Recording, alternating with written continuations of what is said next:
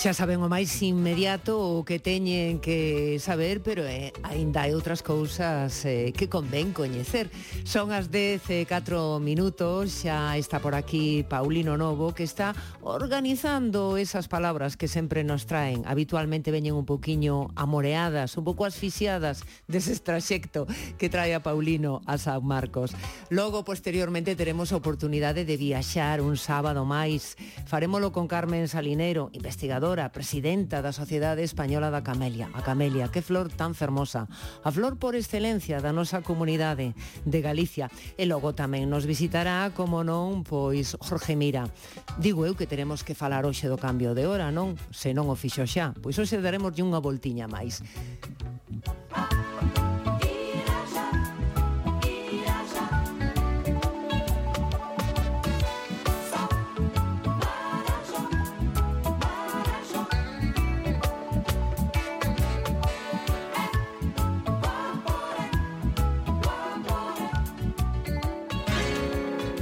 Apalabradas. Apalabradas. Apalabradas. Apalabradas.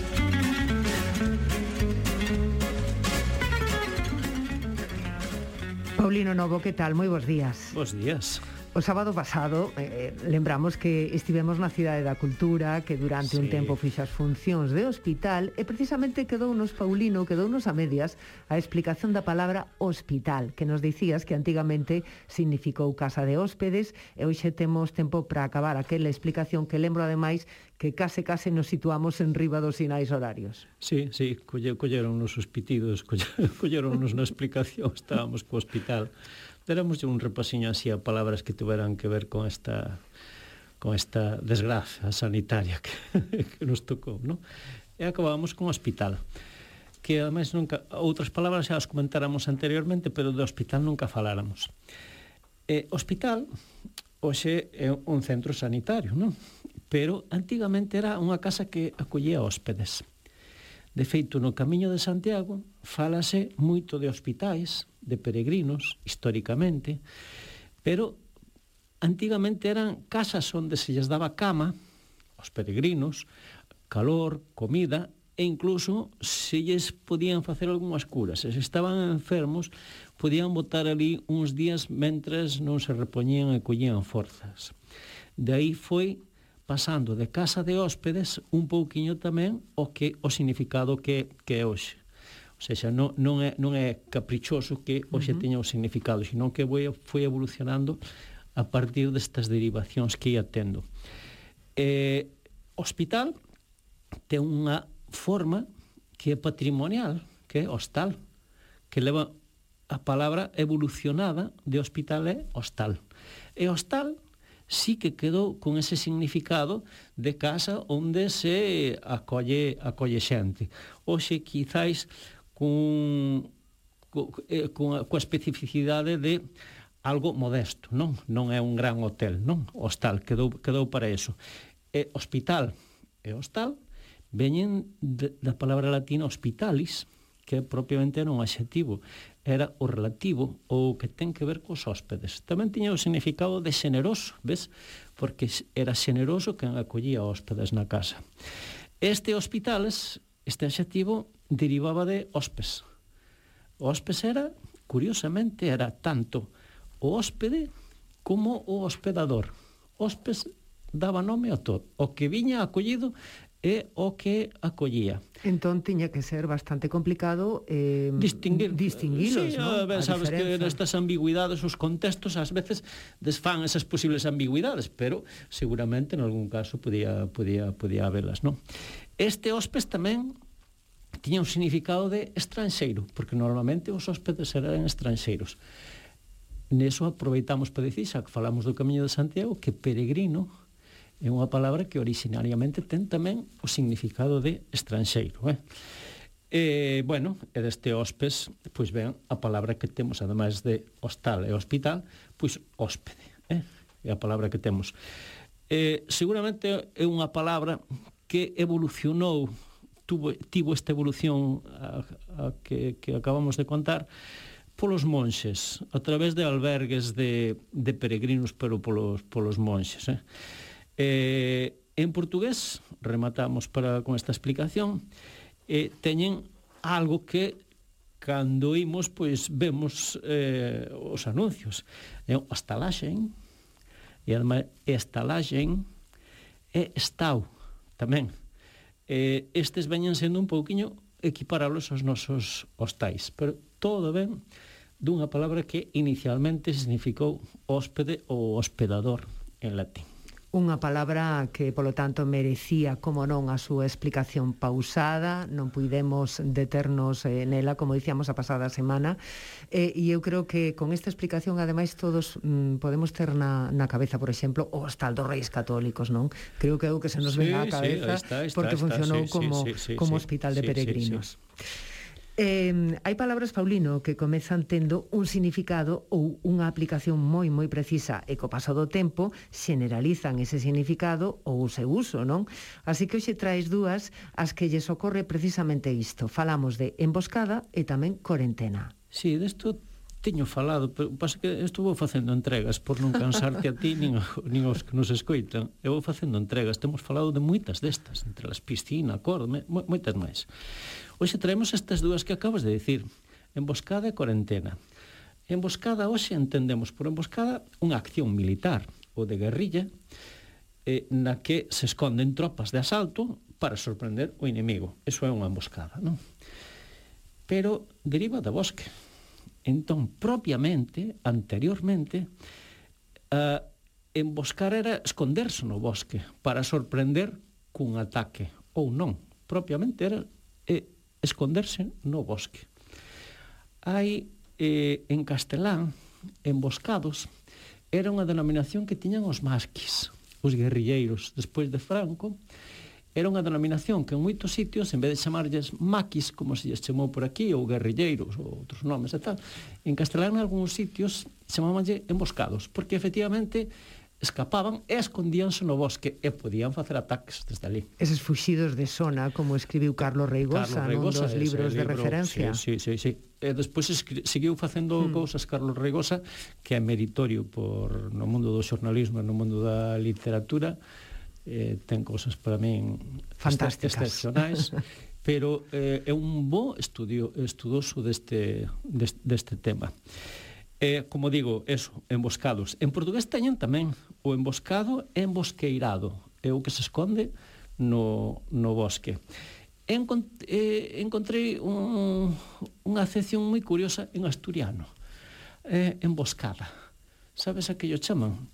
No. A unha nube que aparece de repente, emboscada, eh? en asturiano É curioso. Pois aparece de repente como poden aparecer de repente os emboscados cando claro, fa un ataque. Supoño aparece, que, supoño que ven por aí emboscada. Unha nube que aparece de repente. A outra palabra, cuarentena.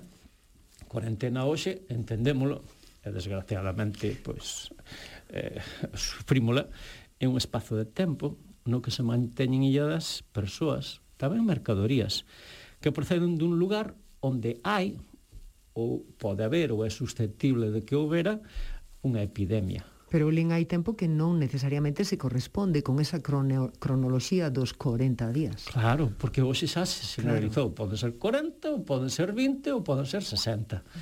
Ainda que originariamente eran 40, porque eran os 40 días que se establecían antigamente para cando, sobre todo, cando chegaban en barcos, pois pues había sitios onde onde se eh, a xente que era sospeitosa que podía traer unha epidemia, pois lazaret, en lazaretos ou hospitais ou en algunhas sillas como algunhas instalacións, pois permanecía e antigamente eran 40 días. Entón, os 40 días deronlle nome a cuarentena E hoxe son 40 os que sexan, pero seguimos chamando cuarentena Eh, hai palabras, eh, seguimos avanzando, que demos a coñecer e eh, popularizamos desde esta casa, desde a nosa radio e tamén a, a Televisión de Galicia. De deportes hai moitas, moitísimas, e unha delas que tamén escoitamos moi moi a miúdo é a de Padiola. Pero antes de que se xogase o fútbol e houvese lesionados, xente que se mancaba, a, había xa unha palabra, había a palabra Padiola, esa é a pregunta. Sí, había Padiola, había Padiola, é palabra do galego e a palabra do portugués O que pasa é que, como ti dís, antes de que a usáramos para eso, que hoxe ten a acepción esa de cama móvil, non? Para levar enfermos, non? Sexa lesionados nun campo de fútbol ou nun hospital tamén, non? E xa existía. O que pasa é que existía para darlle nome a un armazón de varas ou de paus para transportar algo, persoas ou mercadorías, e, entre dúas ou máis persoas. E, e, e como digo, é en galego e en portugués, padiola, e correspóndese co castelán parihuela, eh? son a mesma palabra.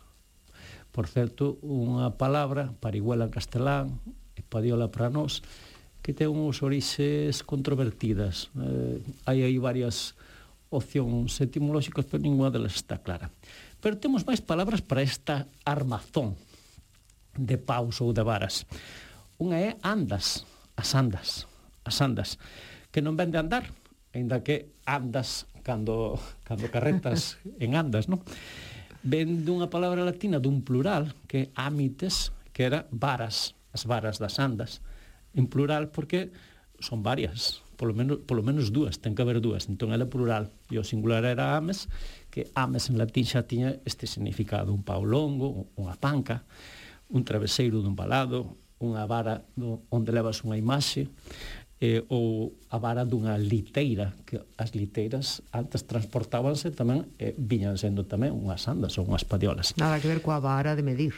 Non. e outra palabra, angarellas.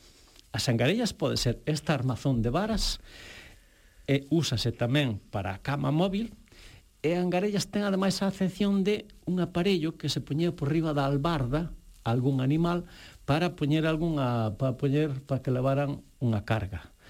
Eh, vendo unha palabra latina que é angaria, que era unha antiga servidume dos súbditos para facilitar cabalerías para determinado tipo de transporte. En galego, como digo, angarellas. E chamase angarella tamén o angarello a unha persoa alta, delgada, fraca ou de corpo mal feito En castelán, a palabra correspondente é angarilla. E angarilla tamén denomina en castelán unha persoa alta e fraca, polas varas ou polos paus que son delgados. En portugués teñen engarillo. Engarillo tamén ten como acepcións figuradas delgado e tamén presumido. Eh, seguramente polo de ir estirado como, como un pau, como unha vara, non? En portugués teñen ademais andor, que é unha padiola que usan para levar imaxes religiosas. E Andor tamén pode ser figuradamente unha persoa, neste caso non delgada, senón preguiceira ou indolente. Pois aquí o deixamos, Paulino, despois desta explicación tan tan amena nas apalabradas, que ademais é eh, unha colaboración que conta cunha audiencia, cuns ointes moi fieis, e que logo ademais aproveita non para ir polo mundo adiante e falar con absoluta naturalidade das andas ou dos fonchos, como digo, con absoluta naturalidade. Non te esquezas eh, de que esta madrugada hai que cambiar a hora. Sí. Vas dormir unha horiña máis. Est eh? Estaremos atentos, estaremos atentos. Que se nos foi xa o anticiclón e quedámonos co verono, eh? eh? O verono, bueno, o verono tamén se foi, porque como non podemos de, dicir veroño... Outro... No, no, veroño no. Pois coa palabra que máis ou menos inventada, verono. Eh? Eso. Quixen recordarlo aquí. Paulino Novo, grazas a que teñas un magnífico sábado. Igualmente ti e os que nos escoitan.